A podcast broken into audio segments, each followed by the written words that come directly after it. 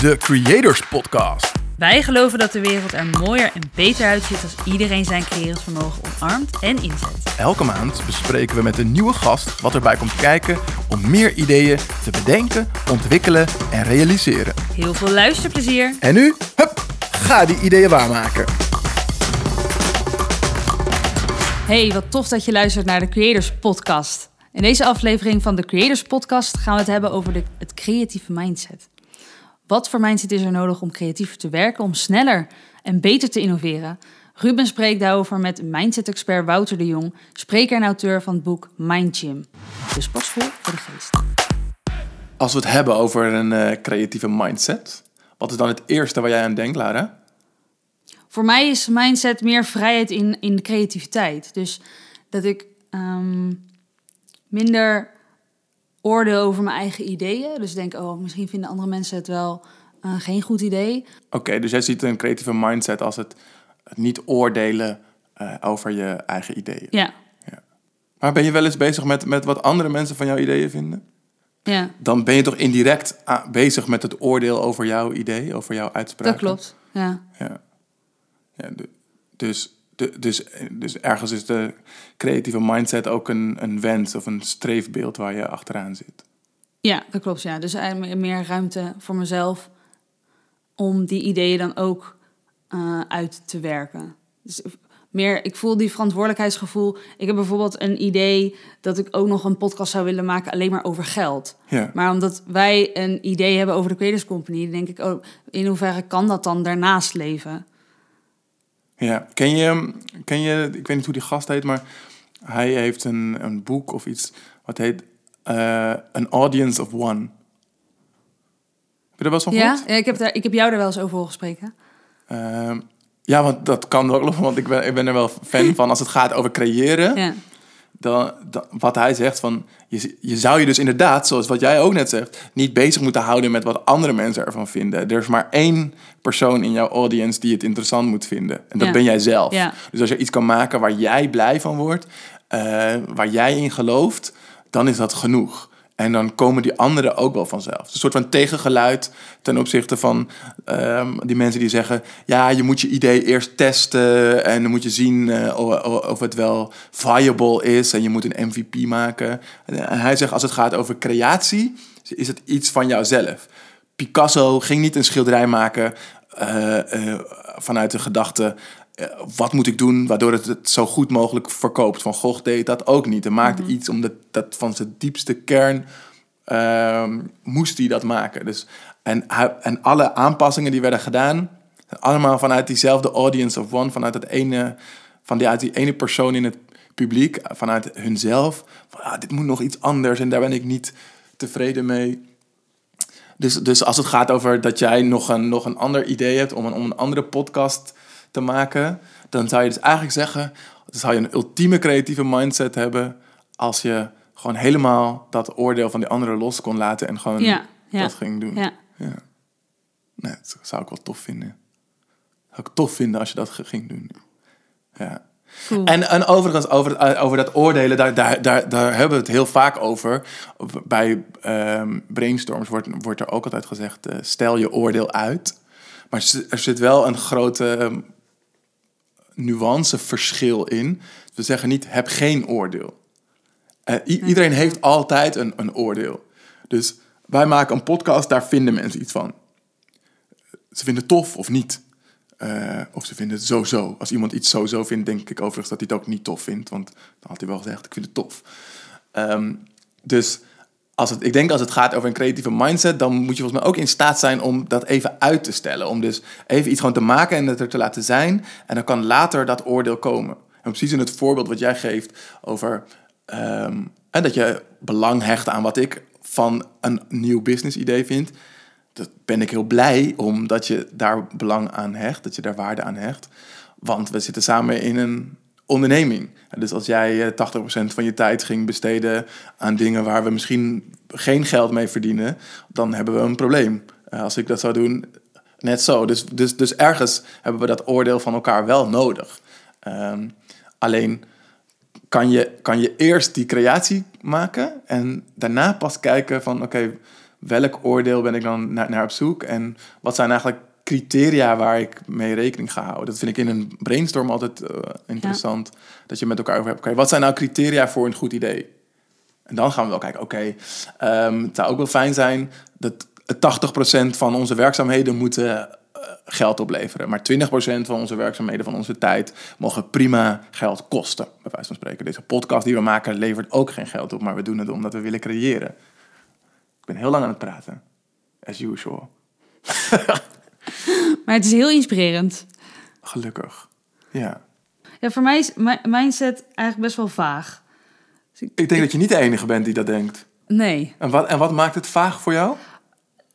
Nou, ik, ik kan me wel. Ik, ik lees wel eens artikelen erover en ik weet van mezelf dat ik een mindset heb in mogelijkheden denken. En ik, ik ben ook creatief. Maar als ik moet beschrijven nu wat, wat is mindset precies voor mij, dan weet ik het niet. Nee. Het, ik heb natuurlijk vandaag eh, Wouter de Jong geïnterviewd. En die heeft het over dat je leert om je aandacht te richten. Vond ik ook wel een mooie, mooie theorie. Leert om je aandacht te richten. Ja, dus, dus jouw, als je je mindset gaat trainen, leer je eigenlijk om je aandacht te richten. Op ofwel je eigen gedachten, dan wel op de signalen die je lichaam afgeeft eh, als gevolg van die gedachten. Eh, maar als het bijvoorbeeld gaat over creativiteit, over ehm, je aandacht richten op een uitdaging of probleem waar je oplossingen voor gaat verzinnen. Ehm, en dat, dat, dat, dat, dat vond ik wel mooi. In het, in het interview hebben we het onder andere over de rol van veiligheid. En wat er gebeurt als mensen eh, gestrest zijn of angstig zijn of zich onveilig voelen. Dan vernauwt je aandacht. Nou, ik ga niet het hele gesprek he- herhalen. Maar ehm, wat je nodig hebt in creativiteit of bij een, een brainstorm, is juist een hele ruime blik. Dus je aandacht moet juist heel breed zijn, zodat je allemaal verschillende dingen ziet en verschillende connecties kan maken. Ehm, dus als het gaat over mindset, wat zou dan mindset kunnen zijn? Dat dus ook kunnen zijn het bewustzijn van waar jouw aandacht is en, hoe- en hoe je die aandacht kan ah, richten. mooi. Ja. Ja, ik zeg, ik zeg het nu eigenlijk. Dat was op voorhand niet het antwoord dat ik zou geven als het gaat over wat ik denk dat mindset is. Maar Maar we hebben nu wel een antwoord op de vraag die we zouden stellen. Wat is mindset voor jou? ja. Ja. Ja, daar, moet, ja, daar zou ik ook nog over na moeten denken inderdaad. Ik heb namelijk ook nog wel dat ik denk... Voor mij zit mindset ook... Daarin zit ook iets speels. Dus kan je... Kan je ook ergens de lichtheid van inzien? Als het dus gaat over een creatieve mindset... Kan je de lichtheid van je uitdaging of je probleem zien... En dus eh, een, een techniek die we heel vaak gebruiken in brainstorm sessies of als we innovatietrajecten doen, is met elkaar lol hebben, dingen ridiculiseren. Ehm, dus ook eigenlijk de lichtheid van het probleem kan je soms weer een andere richting eh, brengen. En dus eh, het is niet voor niets dat het nu ook zo'n steeds grotere hype aan het worden is dat mensen weer gaan spelen. We mogen, zakelijk spelen of serious play eh, is, helemaal hip. Dus mij allemaal om ook weer die lichtheid van dingen te vinden. En als, je, als we het hebben over creativiteit, zeggen we altijd... ja, kinderen, die hebben nog echte, pure creativiteit. Nou, volgens mij, kinderen spelen ook nog... Dus die zijn ook nog gewoon lekker aan het testen. En spelen is een manier om een hele nieuwe wereld te ontdekken en te creëren. En daarbinnen dingen uit te testen. Dus als we, als we dat meer kunnen doen... Dan, dan denk ik dat je ook een creatievere mindset hebt. Dus meer spel kan omarmen. Ja, dat, dat is ook wel iets wat ik ervaar. Ja. Ik, vooral nu ehm, met. Ik, ik verdiep me nu veel meer in NLP. En ik merk toch dat het. Dat experimenteren en dat spelen, dat herken ik wel in een bepaalde situatie. Dat ik denk, oké, dit. Ik voel nu dat ik een probleem heb. Voor mijn gevoel heb ik een probleem. Maar kan dus ook nu ervoor kiezen om het niet als een probleem te zien. Cool. Dat is ook, ook weer omdenken of van, van een andere Ja. kant bekijken. Ja, Ja. Dat is ook speelsheid, ja. ja. Dus eigenlijk die speelsheid is misschien ook wel je flexibele geest. Hoe, hoe snel kan je dingen omdraaien of van- van een andere kant bekijken. Ja, ja, en het is, het is inderdaad ook heel grappig, eigenlijk gewoon grappig om te ervaren. Oké, als ik nu heel erg in dat gevoel ga zitten, oké, het is een probleem en ik zie alleen maar obstakels en ik zit meer in die angst en die, die misschien wel de, de schuld of de, de schaamte van een bepaalde situatie, maar kan ook kijken, oké, wat is dan het groei je daaraan? Dus wat, wat kan ik ermee nu dit op mijn pad komt? Ja. Of met dit probleem? Ja. En dan dat je ook ervaart dat je een heel ander gevoel hebt dan Ja. bij de situatie. Dus het gaat niet echt om de situatie zelf, maar wat maak jij, welk verhaal creëer, creëer jij eromheen? Ja. ja, precies. Dus onderdeel van die mindset is ook de gevoelens die je bij je acties ervaart en de overtuigingen Ja. die je hebt, die tot die gevoelens leiden. Ja. ja volgens mij is het Roos Vonk geweest die het boek Je bent wat je doet he- heeft Oh geschreven. ja, dat gaat daar ook over. Dat is ook interessant. Die moeten we een keertje uitnodigen voor de podcast. Dat is een goede. Ja. Ja. We hebben het ook heel vaak over de rol van het onderwijs. Hoe kijk jij daar tegenaan als het gaat over het creëren van de ultieme creatieve mindset? Ja, ik denk dat er op het onderwijs natuurlijk, nou ja, natuurlijk, dat is eh, iets wat ik vooral zelf heb geleerd. Vanuit het onderwijs wordt er, is er maar één goed antwoord op een bepaalde vraag. Mhm. Dus er is dat antwoord en anders is het fout. Dus we, zijn ook ergens geprent. Ons mindset is ge, eh, heeft een bepaald blauwdruk dat we altijd kijken naar hetgene. We focussen ons sneller op hetgene wat fout gaat. Dus waar zitten de bugs? Wat, wat, is, wat gaat er? Wat gaat wat waar? Ehm, wat is nou het goede antwoord op een bepaalde situatie of een bepaald idee of een bepaalde creatie die je wil, wil doen? Hoe doe je het goed? Terwijl er heel veel mogelijkheden zijn. En ik denk dat er op het onderwijs, in het onderwijs daar meer aandacht aan besteed dat, eh, mag worden. Ja. Ik ben het voor een heel groot gedeelte met je eens, maar ik heb ook gemerkt sinds dat mijn eigen kinderen op school Mhm. zitten, in ieder geval de oudste, Reza is vijf, die zit nu een jaar op school, dat het echt wel meer gebeurt dan ik eigenlijk dacht. Nou, misschien ligt het ook aan onze school, Mooi, ja. Ehm, maar Reza krijgt ook een rapport. Elke drie maanden of zo krijgt ze een rapport. En ik dacht de eerste keer, oh my god, waarom geef je een kind van vier Een rapport. inderdaad een rapport? Maar dat rapport bestond uit een soort van beschrijving van zijn vaardigheden. Van gewoon letterlijk, wat kunnen andere kinderen op die leeftijd en kan hij dat ook al? Hè? Kan, kan hij hinkelen? Dat soort vragen stonden erin en dan wat had de juf dat eh, aangevuld. Maar dat was ook een gedeelte, dat vind ik het meest fascinerende eraan, aan dat rapport, is waar ze dus elke drie maanden eh, vastleggen hoe hij een mens tekent, of een poppetje, en hoe hij een huis tekent. Oh, En dan kijk. zie je dus de allereerste tekening. Ja. Nou, het mens, je moet echt goed zoeken om er een poppetje in te zien. Ja, ja. Ah, dan als je een beetje kijkt, zie je een rondje met wat stippeltjes erin. Dat moet dan zijn gezicht voorstellen. Eh, maar naarmate die verder komt, dan zie je en denkt, hé, hey, er ontstaat een lijf. En er ontstaan harken. Eh zo handen. Eh, en in dat huis, eh, op, op een of andere manier, is er altijd een schoorsteen. Eh, en er zijn trappen. En eh, ik merkte eraan van, eh, er wordt wel heel erg die creativiteit ge, eh, aangewakkerd. En eh, we waren twee weken geleden bij het laatste rapportgesprek. En toen, toen viel mij een patroon op in die tekeningen van de huizen die Reza maakte. Dat onder andere was dat altijd dus een trap in. Er waren meerdere verdiepingen in het huis. En er stond een tafel en een stoel in. En er was een schoorsteen. Dus ik begon opeens te denken van... hé, hey, tekent hij dit nou uit zichzelf? Of moet hij dat? Ik, ik dacht eigenlijk stiekem van... ja, de juf heeft gezegd, een huis heeft een trap. En, en, en dit, dit moet je allemaal in je huis tekenen.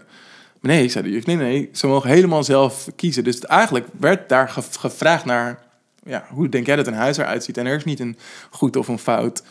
Maar dan zie je toch dat da- daar al het, het, het beeld, het kader van je eigen kind on- ontstaat. Wij wonen in een huis met een schoorsteen eh, en met trappen. En we hebben een tafel en we hebben een... Één, nee, we hebben niet maar één stoel, we hebben meerdere stoelen. Ja. Dus Heb je ook eh, tekeningen van andere kinderen gezien? nee, maar die waren sowieso slechter. Ja, lijkt me wel interessant als iemand heel... Ja, het gewoon uit een ander soort huis komt. Dus misschien zonder een, een schoorsteen of meer een, eh, een flat bijvoorbeeld. Ja, Dus ja ik weet Ik wel zou- dat ze, dat ze het hebben over flats. ik zou wel zo'n kijkje willen nemen in zo'n klas. Dat iedereen zegt, oké, teken, teken een huis. Ja, En eh, er komen allemaal verschillende tekeningen op tafel. En hoe zij dan ook Precies. met elkaar daarover praten. Dus is het dan ook, hé, hey, maar zo ziet een huis helemaal niet eruit. Of is ja. het... Ja, dat als je het hebt over dat ze naar meerdere antwoorden le- leren zoeken, zou dat wel interessant zijn. En tegelijkertijd denk ik, hmm, doen ze deze oefening alleen? Of doen ze het samen? Want Ja. hoe snel laat je je beïnvloeden doordat iemand naast jou een schoorsteen op zijn huis Ja. tekent? Misschien heb je Ja. helemaal geen schoorsteen op jouw huis thuis, maar zie je om je heen dat iedereen schoorstenen tekent. Dus dan is het enige goede antwoord een schoorsteen. Eh, dus ik zou er ook wel wat voor vinden, voelen, als, eh, als ze dat gewoon alleen deden. Dus dat ze niet konden worden beïnvloed door anderen. En bijvoorbeeld ook, zien ze hun vorige tekening? Want dat is ook alweer een, Ja. een beïnvloeding. Vorige Ja. keer heb ik een schoorsteen getekend, dus nu ga ik nog Het, beter het is wel grappig dat je zegt, want ik vraag me ook af wat het ook onderling doet ehm, met de mindset. Dus als je ziet dat iemand heel goed kan tekenen. Super je intimiderend. Ja, want ik weet het namelijk vanuit mijn eigen eh, jeugd op school. Ik zat dan echt in, in groep, groep 2, dan ben je vijf jaar oud. Ja, En dan moesten we een mannetje tekenen. En ik tekende al die, zo'n broekje, bijvoorbeeld een mannetje heel gedetailleerd. Dus ik had die eh, hoekjes van de zakjes tekende ik. Ik tekende naadjes van het... eh, streepjes als naadjes op de, op de broek en broekpijpjes. En kinderen naast mij zeiden van... Oh, je tekent ook echt gedetailleerd. Ja, ik, ik kan eigenlijk helemaal zeiden ze dat? Zeiden ze, oh, jij tekent ook. Ja, echt weet gedetailleerd, kinderen van vijf? Nou, nee, ze, ze, ze benoemde het. Ik, ik denk niet dat ze gedetailleerd zijn, maar ik denk wel... Ze, nou ja, ze benoemde wel dat ik ehm, uitgebreid tekende. Ik Mhm. weet niet de letterlijke woorden. En wat was, de, wat was de algehele tendens van de reacties die je kreeg op je tekening? Wat wat bedoel je? Nou, was het, wat, wat, wat was de algehele toon van, als je naar alle reacties kijkt die je kreeg op je tekening? Was het verbazing, Ja, positiviteit? verbazing. Ja, wel, verbazing. Dat het zo... eh, Dat het ja, toch gedetailleerd is. Ik weet, ik weet niet meer letterlijk de maar was het, was het positieve of negatieve verbazing? Ja, positief. Ja. Positieve verbazing. Maar ik merkte ook aan kinderen naast mij, die zeiden dan: ik, ik, ik kan dat niet. Ah ja, dus, maar eigenlijk ben je dus van jongs af aan ben je al gaan leren of gaan bevestigen voor jezelf dat, dat jij iets goed kon, want daar kreeg je, kreeg je complimenten over. Ja, maar en vooral die kinderen naast mij, die zeggen dan: ik kan het niet. Terwijl dit is iets wat je moet leren. Dus dat, blijkbaar is dat ik ben daar net iets beter in, omdat ik al tekenboeken heel vroeg kreeg van mijn oom. Waarschijnlijk die kinderen in mijn, mijn klas die hadden dat niet, waardoor zij minder eh, dat dat skill was minder, die skill was minder Ja. ontwikkeld. Dus dat het ook al zo vroeg de overtuiging kan komen: ik kan het niet, omdat het niet in eerste instantie lukt, terwijl iets Ja. moet gewoon groeien. Sterker nog, jij zegt net letterlijk in dit gesprek dat je er niet helemaal lekker in zit, omdat het niet voelt Ja. alsof je iets aan het maken bent of je niet Ja. aan het creëren bent. Dus je bent nu niet aan het tekenen. Datgene waar jij goed in bent, waar je zeker van weet dat je complimenten over krijgt, dat ben je nu niet aan het doen. Ja. Dus kan je het ook omdraaien? Kan je ook zeggen, dus, oké, maar aan de ene kant heb ik geleerd en ervaren dat tekenen, dat kan ik goed, daar krijg ik positieve reacties op. Maar die andere dingen waar ik dus niet die reactie op krijg, denk je daarvan bij jezelf, daar ben ik niet goed in. Nou, het, het, het maakt het spannender. Ja, Want je bent heel onbewust, eh, of je bent heel bewust onbekwaam. En dat is even een spannende, spannende situatie. ja. En hoe heb je geleerd om te tekenen? Door te oefenen. Dus eh, precies, ja, ik, ik, ik volg je. Ja. Nee, ik vind het in, in- in- Inderdaad, inter- het- interessant zonder dat we elkaar hier zitten te coachen in, in, in, in de podcast. Maar dat is volgens mij ook wat creatieve mindset doet. Dus dat je, dat je leert kijken naar jezelf, naar je eigen handelen, naar je eigen gedrag. En dat je daar dan... Ja, en ook dat, dat, dat bewuste onbekwaam. Dus je, je weet het eigenlijk nog niet. Het is wel ja, makkelijk en dat is om... gewoon kut. Het is gewoon kut. Het is, ja, kut als jij dat erachter komt dat je iets niet kan. nee. Terwijl, want, je- want je weet hoe fijn het voelt als allemaal mensen jou eh, de, de, de hemel Nee, inprijzen. het is heel fijn om in je element te zitten, want dat Ja. kan je goed. ja, Dus dan kan je, daar, daar voel je meer vrijheid en je bent daar ook eigenlijk creatiever. ja, En als je in, je, in, je, in iets zit waar je nog niet zo goed in bent, voor je gevoel, dus dat, omdat je dat, dat heb je nog nooit gedaan bijvoorbeeld, dat, voel je ook minder creativiteit, Ja. denk ik. Omdat je dan meer zit in dat problemenstuk. Ja, er er zijn ook steeds meer mensen die terugkomen op die hele uitspraak van buiten je comfortzone. Dat is waar de magie gebeurt. Nee, zeggen ze, de magie gebeurt juist in je comfortzone. Ja. Eh, misschien wel aan de randen van die comfortzone, maar wanneer jij je lekker voelt, wanneer je in flow bent, kan Ja. je veel beter creëren dan wanneer je iets totaal nieuws aan, aan het doen bent. Ja. ja, als we het oordeel dan terugpakken, dan in die situatie dat je bijna uit je comfortzone gaat. Dus inderdaad, wat je zegt, dat het eigenlijk in je, binnen je comfortzone aan de rand is het, is het, daar begint de magie. Ehm, daar eigenlijk het oordeel naar jezelf toe loslaten. En daarin de creativiteit ook daarin proberen te voelen. Ja. Ja, en gelukkig kan je die mindset trainen, net als dat je creativiteit kan trainen. En dat is ook precies eh, waar ik het eh, met Wouter de Jong over heb gehad. Laten we gaan luisteren. Hoi Wouter. Hi. Ik eh, zou bijna willen zeggen welkom, maar ik zit hier in jouw huis. ja, Dus dankjewel dat ik eh, hier mag zijn. Top. alsjeblieft. Ehm, ik heb begrepen dat jij een enorme spelletjesfanaat bent, klopt dat? Dat klopt. Ja, kijk maar naar die kast daar. Die Ja, staat hè? helemaal vol met spelletjes. Ja, ik zie eh, Agricola staan, die hebben wij ook thuis. Scrabble, Dominion, die ken ik nog niet. Ja, Dominion is te gek. Het is een kaartspel voor twee personen. En het is echt fantastisch. Oh, wat cool. Ja. En wat, wat is het doel van het spel? Ja, het is, het is, je maakt een kaartendek en daar speel je mee met, met de ander. En de, er is relatief weinig geluk, veel strategie. Dus dat is... Oh, gaaf. Dat Ja. is een spel wat ik moet gaan eh, uittesten. En natuurlijk... eh, En het is snel voorbij. Ja? Ja, dus je hebt, eh, het is een half uurtje, drie kwartier. Dus dat is. Ik vind het ook altijd fijn als een spel niet altijd twee uur duurt. Precies. Dan denk je, pff, zoals Agricola, als je Ja. er echt voor wil zitten, dan. eh, Daar ben je wel even bezig. ja. Daarom staat Risk ook onderaan eh, jouw stapel, zo te zien. eh, ja. ik hoorde tijd de wasmachine boven. Dat hoor jij niet. Dat hoor ik niet, nee. Het piepje. Ja. Ja, hoor je hem? Ja. Dus dat piepje gaat het komen, dus die zet ik even uit. Ja, dat is goed, ja. Laten we eens kijken of we jou een klein beetje beter kunnen leren kennen aan de hand van een spelletje. Als je zo eh, van spelletjes houdt. Ja. Ik heb hier een, eh een kaartdeck met allemaal verschillende plaatjes erop. En eh, ik wil je vragen om zo in ieder geval één plaatje uit te kiezen wat jou aanspreekt. En daarna dan mag je er ook nog twee random uittrekken. Dus die gaan we dicht trekken. Dus. Eén die me aanspreekt. Eens even kijken hoor. komt een hangmat voor- voorbij. We hadden het net over de wasmachine, die zit er ook in. Ja, dan wat mij aanspreekt is... Oeh, die vind ik ook wel interessant.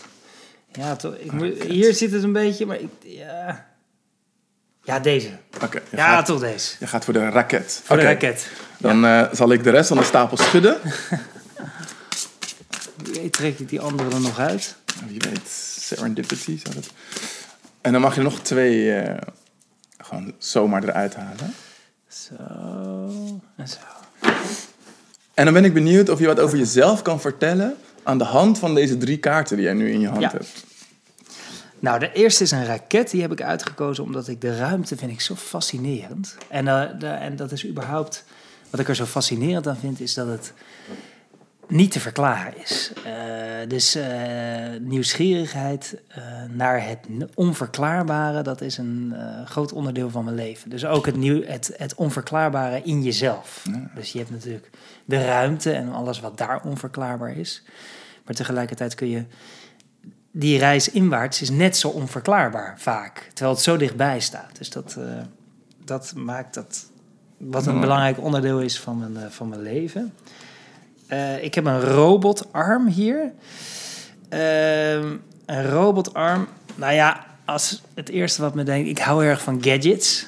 Dus ik zat meteen al naar je microfoons te kijken. Dan, oh, mooie microfoons. Dus ik, ik hou überhaupt erg van gadgets. En dit doet me ook wel denken aan eh, waar we met z'n allen naartoe gaan. Dus van, hé, hey, Mm. interessant. En als ik daar iets over mezelf moet zeggen, ja. Ik, ben gewoon heel benieuwd waar het naartoe gaat. Met de technologie, de innovatie en wat Waar, waar, hoop je dat het naartoe gaat? Ik hoop heel erg dat de techniek meer in dienst zal gaan staan van de duurzaamheid en de leefbaarheid op de planeet. Dat Ja. dat eh, in plaats van eh, de flashiness van onze In iPhones. plaats van als afleiding ervan. Ja, dat het, dat het veel meer ten dienste staat van onze materiële en mentale welvaart. En dan is er een boodschappenkarretje. ja, ehm, een boodschappenkarretje. eh, dat doe ik heel efficiënt en snel. Boodschappen. Boodschappen doe ik heel efficiënt en snel. Dus dat doe ik. eh, En hoe doe je dat? Ja, dat is. Ik, ik loop er langs en pak het snel. En dan, eh, ik heb een soort vaste route. En dan tuk, tuk, tuk, tuk, tuk, tuk, tuk. Ben je iemand die een lijstje maakt van tevoren? Of eh, ga je gewoon random de winkel in en weet je wat je? Ja, je hebt, ik heb ook zo'n zo'n geheugen trucje. Dat als ik een lijstje moet onthouden van dingen die ik voor Elise, voor, voor mijn geliefde moet kopen, voor het gezin. Dan doe ik de Loki-techniek. En dat is dat je, dat je in je hoofd voorstelt dat je bepaalde plekken afgaat Ja. van een vaste route. Bijvoorbeeld van hier naar school of van hier naar je werk. En dan stel je je de verschillende boodschappen voor aan de hand van Van die route. van die route. Dus zeg maar eh, bij de schuifdeuren, bij het treinstation stel ik me voor dat er een levensgrote bloemkool tegen me praat. Nou, en dan bij elk volgend plekje op die route stel je dus iets voor van je boodschappenlijstje. En dan kan je dus veel makkelijker onthouden of je alles hebt gepakt. Ah, dus dan in de, in de supermarkt eh, loop je die route eigenlijk weer langs en zie je al die... Ja, dat is meestal als ik dan klaar ben en denk ik ben nog iets vergeten, dan loop ik even die route langs. Dit doe ik niet altijd, maar dat vind ik altijd wel een leuk spelletje. Grappig. Ja, dus eigenlijk daar, zelfs tijdens het boodschappen doe je nog een spelletje met jezelf. ja. Cool. Ja, Cool. ja. Hey, en je bent eh, in Nederland eh, bekend geraakt als acteur in eerste instantie, in goede tijden, slechte tijden. Mhm. Je hebt ook rechten gestudeerd. En nu maak je furo fu- furoren als eh, mindfulness eh, trainer met je boek eh, Mind Gym.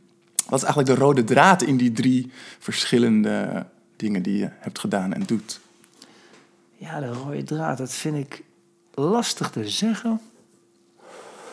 Nou, kijk, het, wat nu wel, in ieder geval, dat is dan niet met rechten, maar het spelen op zich, waar we het net Mhm. over hadden, dat is wel een rode draad. Want nu, ik heb dan ook een kinderboek geschreven, eh, Superkrachten voor je hoofd, het Ja, volwassen boek. En ik geef nu veel meer lezingen. En ik geef eigenlijk geen trainingen meer. En ehm, die lezingen, dat sta ik voor groepen en kan ik weer spelen.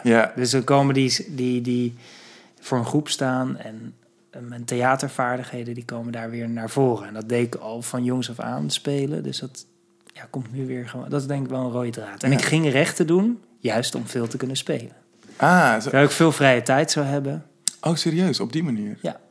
Niet, niet dat, dat je jezelf al voor de rechtbank zag, daar grote stukken nee. op Ik, te ik wilde misschien eerst geneeskunde gaan doen, maar toen dacht ik, nou, als ik nou rechten ga doen.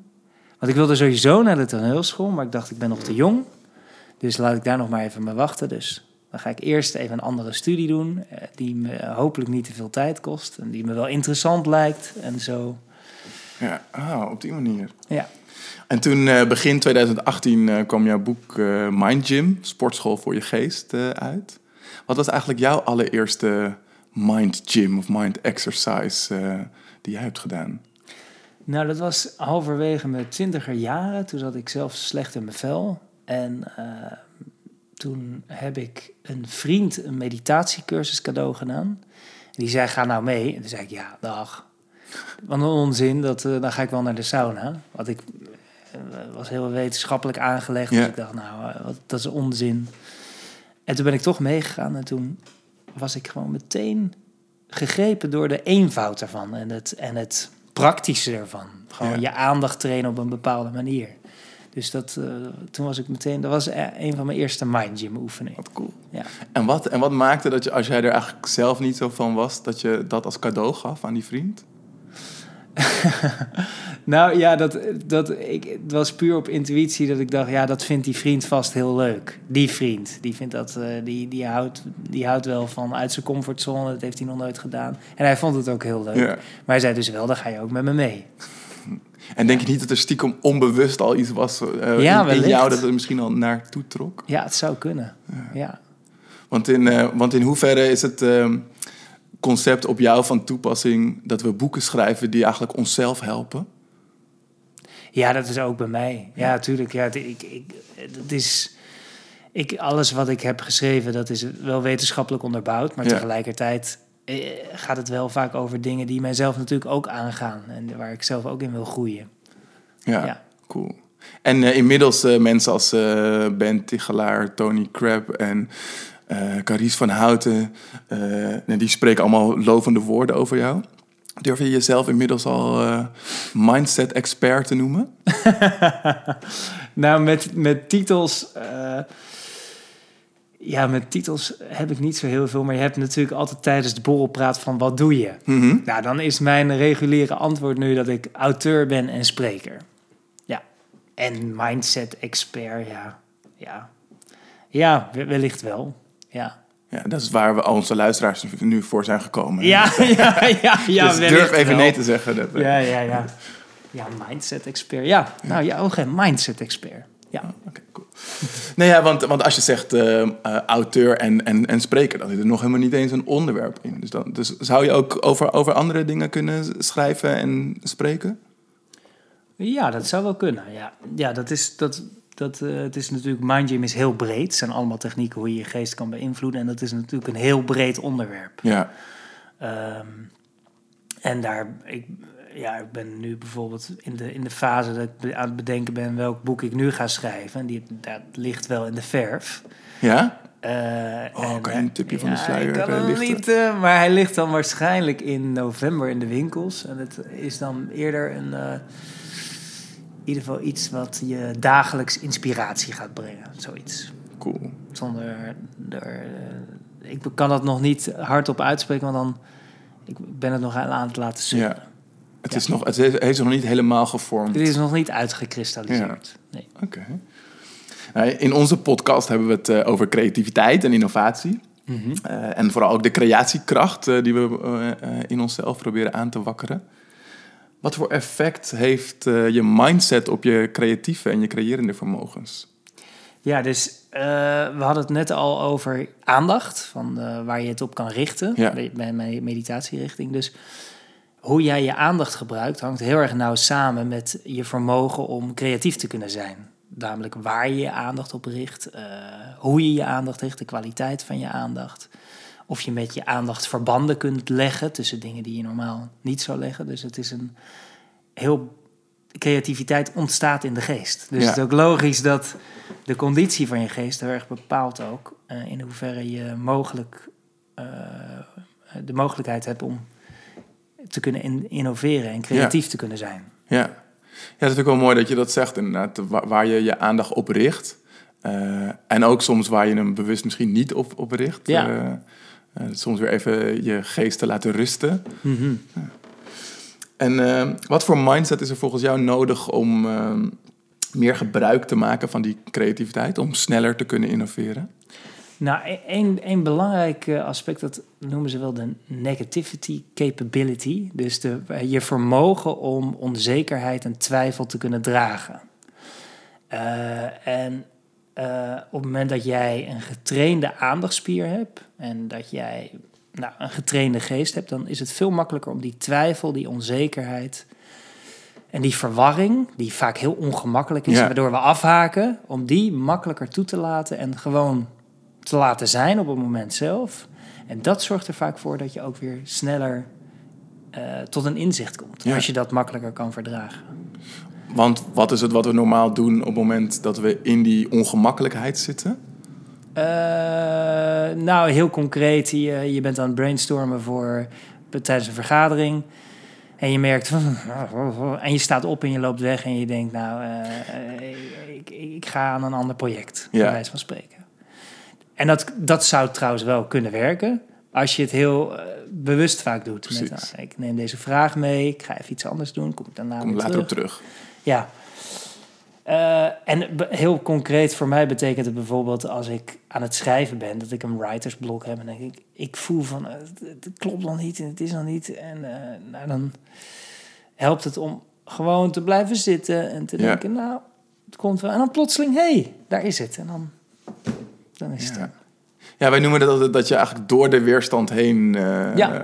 werkt. Dus, eh, maar je zegt eigenlijk dat je dat dus het beste kan doen door ook gewoon te accepteren dat Ja. dat daar is en dat het even moeilijk is of dat, je, Zeker, dat het je ja. frustreert misschien wel. Ja, zeker. En die door de weerstand heen, heel vaak zeggen we dat tegen anderen. Van, nou, je- weet je wat je moet doen? Je moet even door de weerstand heen. ja, maar ja, hoe doe je dat dan? Weet je, dus de, de- de- vandaar dat het handig is om al die technieken te trainen. Ja, En één daarvan is gewoon puur al eh, meer lichaamsbewustzijn. Dat hoe die vertwijfeling of hoe, dat, hoe die Ja. weerstand er, er eigenlijk voelt in je lichaam. precies. is ja, dat vond ik ook mooi wat je in je boek beschreef. Dat, dat alles wat, wat in je hoofd zit, dat zich dat ook ergens in je lichaam manifesteert. Dus als je leert luisteren naar je lichaam, dat je dan ook meer eh, eh, oor hebt, of oog misschien wel, voor, voor je geest. Ja. Ja.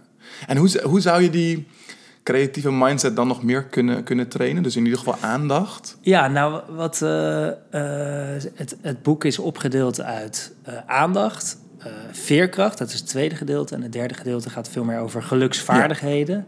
Dus vergelijk het met een tuin. Eerst is het aandacht, is het overzicht van de tuin. Weten welke bloemen, welke planten, welke onkruid erin staat. En dan de twee veerkracht ga je meer om met de, eh, het onkruid en dat wieden. Maar dan een lege plek is er Ja. over. En dan ga je door naar de geluksvaardigheden en dan plant je er bloemen. Waarom vertel ik dat nou? Eh, als je creativiteit traint, dan is het zo dat op het moment dat je eh, nou, negatieve, eh, bijvoorbeeld die verwarring of een, een, een, een negatief gevoel of een negatieve gemoedstoestand hebt, dan sluit je aandacht, dus die wordt nauwer. Ja. Dat is heel erg logisch in de zin van hoe, hoe angstiger je bijvoorbeeld bent, hoe nauwer de aandacht. Want dat is belangrijk, omdat je dan bijvoorbeeld beter kan focussen op een leeuw. Om het zo Ja, te ja, ja, zeggen. precies. Dan Ja. Moet, je, moet je alert zijn en weg kunnen rennen. En weg kunnen rennen. Dus vaak hoe, hoe, eh, hoe onprettiger je voelt, hoe nauwer de aandacht. En dat heeft een belangrijke functie. Het helpt je op, op, op, die, op die punten. Maar wat wil je met creativiteit? Daar wil je juist een heel breed overzicht hebben om verbanden te kunnen leggen tussen dingen die Ja. je, waar je normaal geen verbanden tussen legt. Dus wat is daarvoor nodig? Een hele open aandacht. Nou, een open aandacht gaat weer heel erg samen met veel positieve emoties. Dus met dat derde Ja. deel, met die bloemenplanten. Ja, Eh, want wat gebeurt er als je meer positieve emoties hebt? Dan ervaar je meer openheid. En kun je ergens ook meer prikkels binnenlaten. Nou, en, en dat zorgt er dan weer voor dat je eh, makkelijker verbanden kan zien. Ja. Dus een heel simpel ding. Hoe maak je dit dan concreet? Ik ben aan het schrijven, ik krijg een, eh, een writersblok. Nou, dan ga ik op YouTube naar eh, tearjerker films voor mij. Volgens mij is dat Steve Hartman on the Road. Dat is een Amerikaan die voor CBS News naar ontroerende verhalen in Amerika gaat. En dat is elke keer maar een filmpje van drie minuten. Bijvoorbeeld eh, een vriendschap tussen een opa en een klein meisje die elkaar eh, wekelijks zien. Ja. En, eh, leuke gesprekken met elkaar hebben. Zo, zo, dat soort verhalen. Nou, dat geeft me dan een goed gevoel. En dan, ga, en dan heb ik daarna vaak veel meer overzicht weer in waar het om gaat. Het is een hele korte interventie. Maar het helpt meteen om te kunnen innoveren of creatief te zijn. Ja. En, maar je kan het ook zonder filmpje doen. Je kan bijvoorbeeld ook een vingeroefening in dankbaarheid doen. Dus je, hebt, je, je stelt je bij elke vinger voor waar je dankbaar voor Ja. bent. En laat dat op je inwerken. Dus je laat even rusten waarmee je bezig bent. Dan doe je dat daarna. Nou, dan merk je dat de aandacht weer opener is. En dan kun je daarna weer makkelijker ja. op nieuwe ideeën komen. Want ik vind het wel interessant dat je dat zegt, want heel veel ehm, eh, innovatietrajecten beginnen vanuit een schaarste of vanuit een organisatieprobleem. Dus eigenlijk is er een onveilige situatie voor mensen. Ze weten niet zeker of ze hun baan gaan behouden. Dus eigenlijk starten ze dan vanuit die onveiligheid. Hoe, hoe- heb, je, heb je tips over hoe, hoe je die onveiligheid weg kan nemen? Hoe je dan misschien eh, mensen weer meer in, de, in, die, in die open mindset zou kunnen krijgen? Ja, nou, ik denk dat het in zo'n situatie dat de eerste stap überhaupt het erkennen is van dat het onveilig is. Ja. Dat lijkt me denk ik nog, want het is onveilig. Je Ja. kan je baan verliezen. Dus, eh, eh, en de dingen die ik zojuist zei, dat zijn hele concrete interventies om op het moment zelf Precies. in zo'n situatie ervoor te kunnen zorgen dat je wel ook de andere kant blijft belichten, zonder dat je die kant hoeft te ontkennen. Want het, Ja. is, eh, het is nou eenmaal vaak in zo'n situatie eh, onveilig en eh, niet prettig. Maar gelukkig zijn er dus wel kleine technieken hoe je gewoon in de praktijk tijdens een brainstorm of ervoor kan zorgen dat het, eh, dat het anders is. En, en tegelijkertijd onveiligheid ontstaat hem natuurlijk ook puur uit de relatie, hoe de relatie onderling is. Precies, ja. Dus als er meer gunnen is in het bedrijf, eh, meer altruïsme, meer onbaatzuchtigheid, dan wordt het vanzelf veiliger en makkelijker om Ja. te innoveren. Ja. ja, dat zijn ook niet zomaar problemen die je 1, 2, 3 eventjes in één eh, sessie oplost natuurlijk. Als, als, als dat ontbreekt. Ja, Eh, ja, dan is de vraag waar je, waar je als eerste mee zou moeten beginnen voordat je gaat precies. innoveren. Ja, ja, herkenbaar. Een, een, een ander probleem wat we veel tegenkomen ehm, is, is overschatting. zelfoverschatting. En dus mensen denken, oh, dat ga ik wel even doen. Ja. Ehm, en dan, en zeker zo'n zo'n mindset zoals jij het noemt, dat klinkt wel eh, tof en haalbaar. Daar ga ik, ga ik ook aan werken. Maar dan ineens kikt de realiteit in en blijkt het toch minder rooskleurig als eh, dat je misschien dacht. Heb je ook tips over hoe je met dat soort tegenslagen kan omgaan? Ja, dus zelfoverschatting hangt vaak samen met dat mensen hun eh, eigen waarde laten afhangen van prestaties. Ja, Dus de, erg, de, de, de belangrijkste vaardigheid die je daarin hebt te ontwikkelen is volgens mij meer zelfacceptatie. Dat je je eigen waarde niet laat afhangen van hetgeen wat je presteert. ja, Ehm, en daarin heb je verschillende technieken. En een daarvan is bijvoorbeeld hoe je jezelf motiveert op het moment dat het tegenzit. Dus op het moment dat je tegenzit en je, je- je bent jezelf aan het uitschelden en eh, voor rotte vis aan het uitmaken. eh, dat is vaak de, tegen, de andere kant van de medaille van overschatting. ja, Daarom overschatten die mensen zich vaak zoveel, omdat ze zichzelf niet met de zweep willen geven. ja. ja, Met ja. denken, ja, als ik Een mezelf soort van, on- soort van ontlopen. Ja, maar het is ook een vorm van liegen tegen jezelf, waardoor je, waardoor je niet eerlijk hoeft te zijn naar jezelf en jezelf niet op je lazer hoeft te geven. Ja, Wat natuurlijk een kaartenhuis is, want als het instort, dan ofwel ga je nog meer tegen jezelf liegen, of je haakt af, of je geeft jezelf met de zweep. ja. Terwijl op het moment dat je meer zelfacceptatie hebt, is dat niet nodig. Dan denk je, oh ja, nou, daar is weer een fout. Hm. Oh, wat grappig. Zo had ik er nog niet tegen aangekeken. Dus je hebt eigenlijk eh, zelfkritiek en zelfoverschatting. Die staan, Die staan Tegenover vaak met- elkaar. vaak met, zijn vaak getrouwd met elkaar. Ja. ja. en dan daar, daar, daartussenin de gulden middenweg, zelfacceptatie. ja. Ja. Ja. Ja, want ik vind het wel eh, leuk dat je dat zegt. Want in, in brainstorms komt dat ook heel vaak naar voren. Dat, dat concept dat je je eigen identiteit koppelt aan wat je doet. En in een brainstorm is wat je doet, is het idee wat jij op tafel legt. Eh, en en dan zie je, zien we dus heel vaak mensen die, wanneer ze een idee hebben gehad, dat idee gaan proberen te verdedigen. Ja, ja, ja, ja. Eh, want als, als dat idee wordt afgeschoten, dan word jij eigenlijk af, afgeschoten. Ja, ja, ja. Eh, dus het is ook altijd inderdaad zo'n nauw spel met mensen op zo'n punt krijgen dat ze gewoon accepteren dat elk idee er mag zijn. En dat je niet, dat als jij een slecht of een gek idee hebt, dat jij niet slecht of gek bent. Ja, ja, ja, ja, ja, ja. Ehm, je zei het net al, in jouw, in jouw boek behandel je dus eh, drie delen: aandacht, compassiekracht en geluksvaardigheid. ja. Ehm, en je noemde het zo eventjes dat je dus eigenlijk je ehm, tuintje eerst moet wieden, het onkruid eruit moet halen, ruimte moet maken om daarna te kunnen gaan eh, eh, zaaien. In hoeverre verhoudt geluk zich tot creativiteit, denk ik? Ja, dus het is denk ik dan belangrijk hoe je geluk definieert. Ja, Eh, als je geluk alleen maar, alleen maar eh, zou definiëren als een positief, positieve emotie, dan, eh, dan is dat denk ik te nauw. Maar als je geluk ziet als een heldere, scherpe geest, waarmee je een zinvol leven kan leiden, dan denk ik dat het, dat het de essentie is. ja. Ja. En dan als je, als je die zinvolheid eh, op creativiteit toe- toepast, dan, dan hoor ik je eigenlijk zeggen dat je, als je dus dingen kan creëren die zinvol zijn, dat het dat eerder zou bijdragen aan je geluk. Klopt Ja. dat? Ja, zeker. Ja. ja, dus je hebt zo'n bekende, bijvoorbeeld Ikigai of de flow spot. Je weet wel dat je in het centrum van je sterktes, wat je belangrijk vindt. En eh, de andere is eh, wat je belangrijk vindt, je sterktes. En eh, nou, wat is die derde ook alweer? Is dat, is dat waar, waar, waar je, waar je waarde kan toevoegen? Of, ja, dat is de wat- betekenis, Ja, betekenis. sterktes. En dan heb je er nog een. een G. Hm? Iets met de letter G volgens mij. Groente. Groente, ja. En, en je moet het kunnen eten. Het moet gezond zijn. Gezond. Eh nu moeten we opzoeken in je, in, in je boek. Ik weet dat, je, Het dat, dat, het, dat, ja, dat ja. het het SBG-model Oh, genot. Genot. Kijk, is het. G. En dat Ja. is ook hetgeen wat ik het moeilijkst vind. Moet je nagaan dat ik dat dan weer vergiet. En, wat, en wat vind je daar zo moeilijk aan? Eh, Genieten?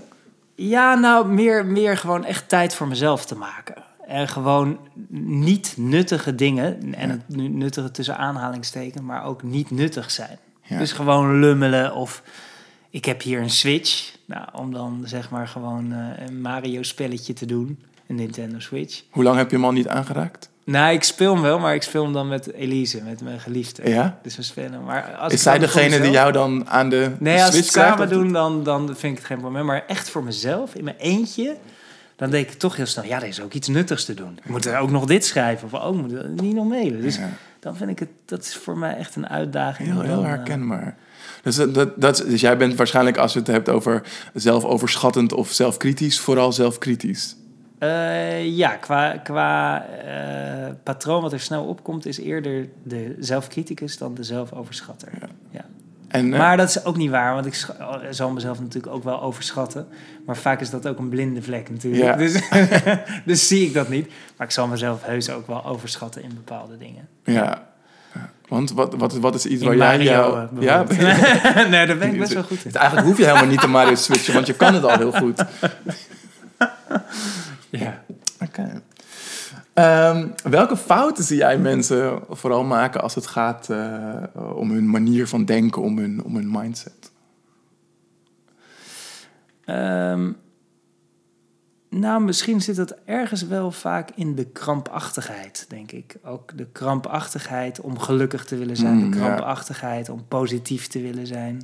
En juist die krampachtigheid is het recept voor depressiviteit en ongeluk. Ja, Dus eh, juist het, het krampachtig streven naar een positieve ervaring is, maakt ongelukkig. En het juist kunnen accepteren van een negatieve ervaring maakt dat al Ja. in zichzelf positief. er is wel een hele geluksindustrie on- ontstaan, toch? Mensen die, die je kunnen helpen om een quick fix te vinden op weg naar jouw geluk. Hoe, eh, hoe, kijk, hoe kijk je daar tegenaan? Ja, ik heb, ik heb wel het idee dat, dat de, in, de, zeg maar, in de zelfhulpliteratuur... dat het wel, wat ik zojuist heb verteld... dat het wel een, een, eh, heel veel terugkomt. Ja, En dat heel veel zelf boeken schrijven, ja, in de geluksindustrie. Maar volgens mij zegt de geluksindustrie nu ook juist dit, wat Ja. ik zojuist heb gezegd. precies. Gewoon ook accepteren dat wat Ja. er is. En, Alleen het, eh, waarom, waarom er nog steeds zoveel boeken worden verkocht, is omdat het gewoon super moeilijk is. ja. ja, En je kan natuurlijk wel honderd, honderd boeken lezen, maar je, je moet het ook gewoon oefenen en doen. precies doen, ja. Ja, want dat vond ik, vond ik wel grappig. Ehm, in de voorbereiding voor dit interview zei ik tegen een vriend eh, eh, die jouw boek ook in de kast had staan van... Hey, ik ga Wouter interviewen. En eh, hij zei van, ja, ik heb het boek gekregen... ehm, eh, terwijl hij zeg maar, net in een ehm burn-out zat. Ja. En hij, hij zei, ik had het boek opengeslagen, dus zag ik dat ik allemaal dingen moest doen. Toen Ah. heb ik het boek weer dicht gedaan en ik heb, hem, ik heb hem nog niet weer open gedaan. Maar dat zette me wel aan het denken, want ik dacht van ja, dus Het, het, het, het is dus die stap verder dan Ja, dus dat, alleen maar erover lezen, dat je ook echt iets moet gaan doen. Ja, dus in, in het boek, eh, hoe ik dat heb proberen te ondervangen, is. Ik, misschien luistert hij, dus eh, hopelijk kan hij, kan hij het nog meenemen. Is eh, je hebt twaalf weken en elke week is opgedeeld in een kort warming-up. Ja, eh, even een theorie eh, gedeelte. En het gaat over in een trainingsgedeelte. En daar kan je kiezen tussen een light, medium en intense. Dus gewoon een trainingsprogramma waar ook audio tracks bij zitten. ja, En de light variant, dat is een variant waarbij je kan gaan oefenen zonder dat het je echt veel tijd kost. Dus dat zijn gewoon oefeningen die je door de dag heen kan doen. ja, Ehm, en, ehm, en het fijne daarvan is dat heel veel mensen zoals jouw vriend denken... ja, ik ga er niet aan beginnen, want dan moet ik zoveel doen. Terwijl dit is, dan kan je tenminste nog oefenen. precies. Kleine chunks die je kan toepassen. Ja, dan kan je tenminste aan de... ah, kan je, dan gaat het in ieder geval het balletje rollen... in plaats van dat je dan denkt, dan doe ik helemaal niks. Ja, Een half rondje in het park is altijd beter dan geen, geen rondje in het park rennen. nee, precies. Toch? Ja, ja. Oké, dus, dat- dus toch moeten er maar gewoon eh, aan. Hij moet het toch... Ja. eh, ja. Ja. Ik, ik, ik, ik ben wel benieuwd als we, als we het daarover hebben. Want dan kom je eigenlijk op het punt van... ehm, eh, jij hebt ook iets gecreëerd. Jij hebt jouw boek gecreëerd. En dat is dan eenmaal zo'n moment dat het, dat het af is.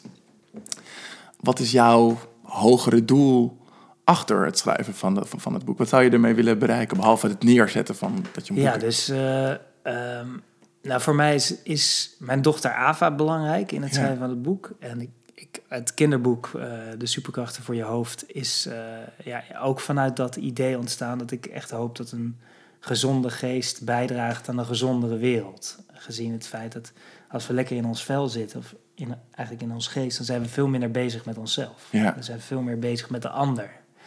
Dus ik, ik zie een voorwaarde om een gezondere wereld te creëren. Dat we in ieder geval beginnen bij een gezonde geest. Ja. Dat is de basis van waaruit we de wereld naar onze hand kunnen zetten.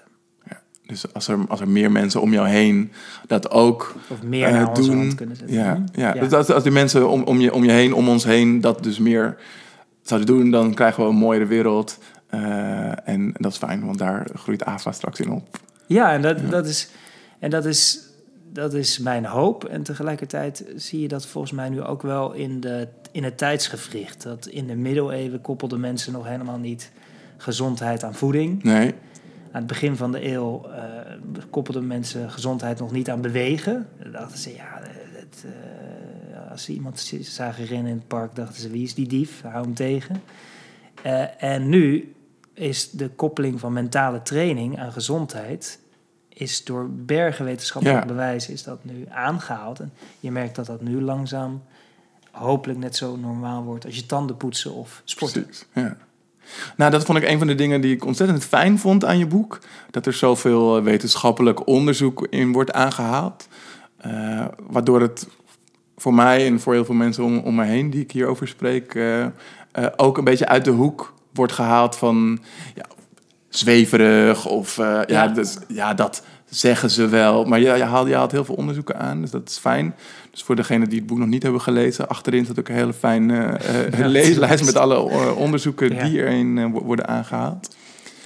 En een van die onderzoeken, volgens mij, die je ook aanhaalt... is dat het goed werkt om, ehm, eh, om dat doel te stellen en te visualiseren... en waar jij naartoe wilt. En dan ook tegelijkertijd de mogelijke Ah, setbacks. ja. Ja. Eh, toch? Mental contrast. Ja, precies. Ja. Ja. Als je het nou hebt over, je, over jouw doel, die mooiere wereld... eh, wat zijn dan mogelijke setbacks Oh, eh, die jij voor je ziet in het bereiken van dat doel? Ja, wat een leuke vraag.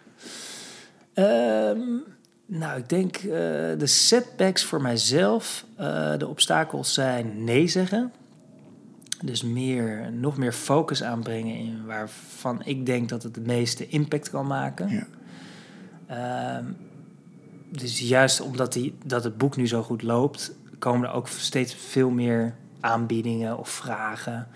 Waarbij ik de neiging heb, ja, laat ik het doen, ja, laat ik het Ja, doen. ja, ja. Terwijl, ja, dus mijn, mijn, mijn eh, en ik, ik ben, ik zeg snel ja, dus dan, een van de grootste obstakels is n- vaker nee verkopen. Ja. Oké, helder. Dus nou, ik ben blij dat je dat, je dat gaat, nu gaat toepassen na de uitnodiging voor het interview. Nee, het, het goede. Dus als het- eigenlijk heb je het ook over, over je eigen aandacht richten natuurlijk. Ja, ja. Ja. cool. Hey, om, eh, om af te sluiten, ehm, heb, je, heb je nog tips die je de luisteraars mee wilt geven in het eh, werken aan hun eh, creatieve en creërende mindset? Ja, dat is een, even kijken hoor. Een leuke creatieve. ehm, ja. Ja, eigenlijk is het heel simpel. En dat hebben jullie Yes. waarschijnlijk al honderd keer gezegd. Maar gun jezelf vandaag gewoon eens een wandelingetje. Simpeler kan niet, maar tegelijkertijd ook niet effectiever. Dus dit weten we allemaal, maar gun het jezelf vandaag eens echt. Dus als je dit vandaag luistert, ga vandaag nutteloos. Even gewoon naar buiten. Ik ga het ook doen, ik beloof het. Kijk. Ik ga vandaag Dan hoor ik graag daarna hoe, hoe, hoe, hoe het was. Ja, Ja, een Ja. wandelingetje. een wandeling. Nou, goeie. Dus, eh, ik ga hem straks eh, gelijk in de praktijk brengen. Want ik ben vanmorgen eh, met het openbaar vervoer gegaan. En ik ben niet met de fiets naar het station gegaan. Wetende dat ik dan eh, wel moest gaan lopen van station naar werk. Slim. En, dus ik heb straks nog lekker een kwartiertje eh, wandelen voor de boeg. Slim. Ontzettend bedankt, Wouter. Ja, dank je voor het gesprek. Ja, superleuk.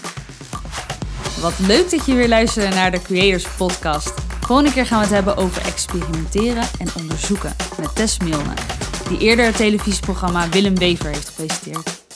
Tot de volgende Creators Podcast. Doei!